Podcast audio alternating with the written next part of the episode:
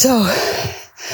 Ik heb net echt een fucking groot gat staan graven. Om echt een joekel van een boom in te zetten. Jeetje. Ik ben helemaal buiten adem.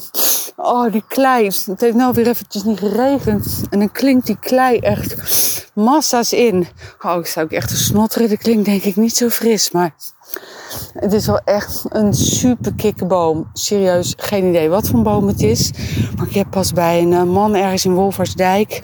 die uh, zijn huis uit moet en dus ook zijn tuin moet achterlaten... allemaal uh, bomen opgehaald. En nou, die hebben we daar staan uitgraven. Maar dat was al grond die al wat doorleefd was en wat luchtiger.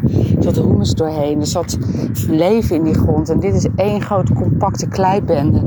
Dus ik ben er maar wat paardenmest bij aan het scheppen, wat stukjes hout bij aan het gooien, zodat die grond in ieder geval een beetje kan ademen.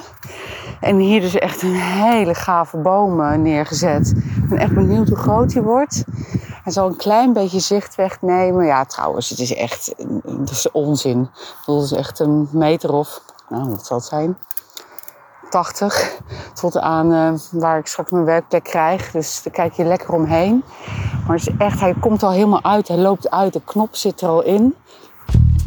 En uh, er komen al hele kleine mini blaadjes uit. Dus uh, ik ga hem dichtgooien. Ik ben weer een beetje op adem. En dan heb ik nog maar een boom of, nou ja, dicht te gaan. ik heb heel veel bomen uitgegraven.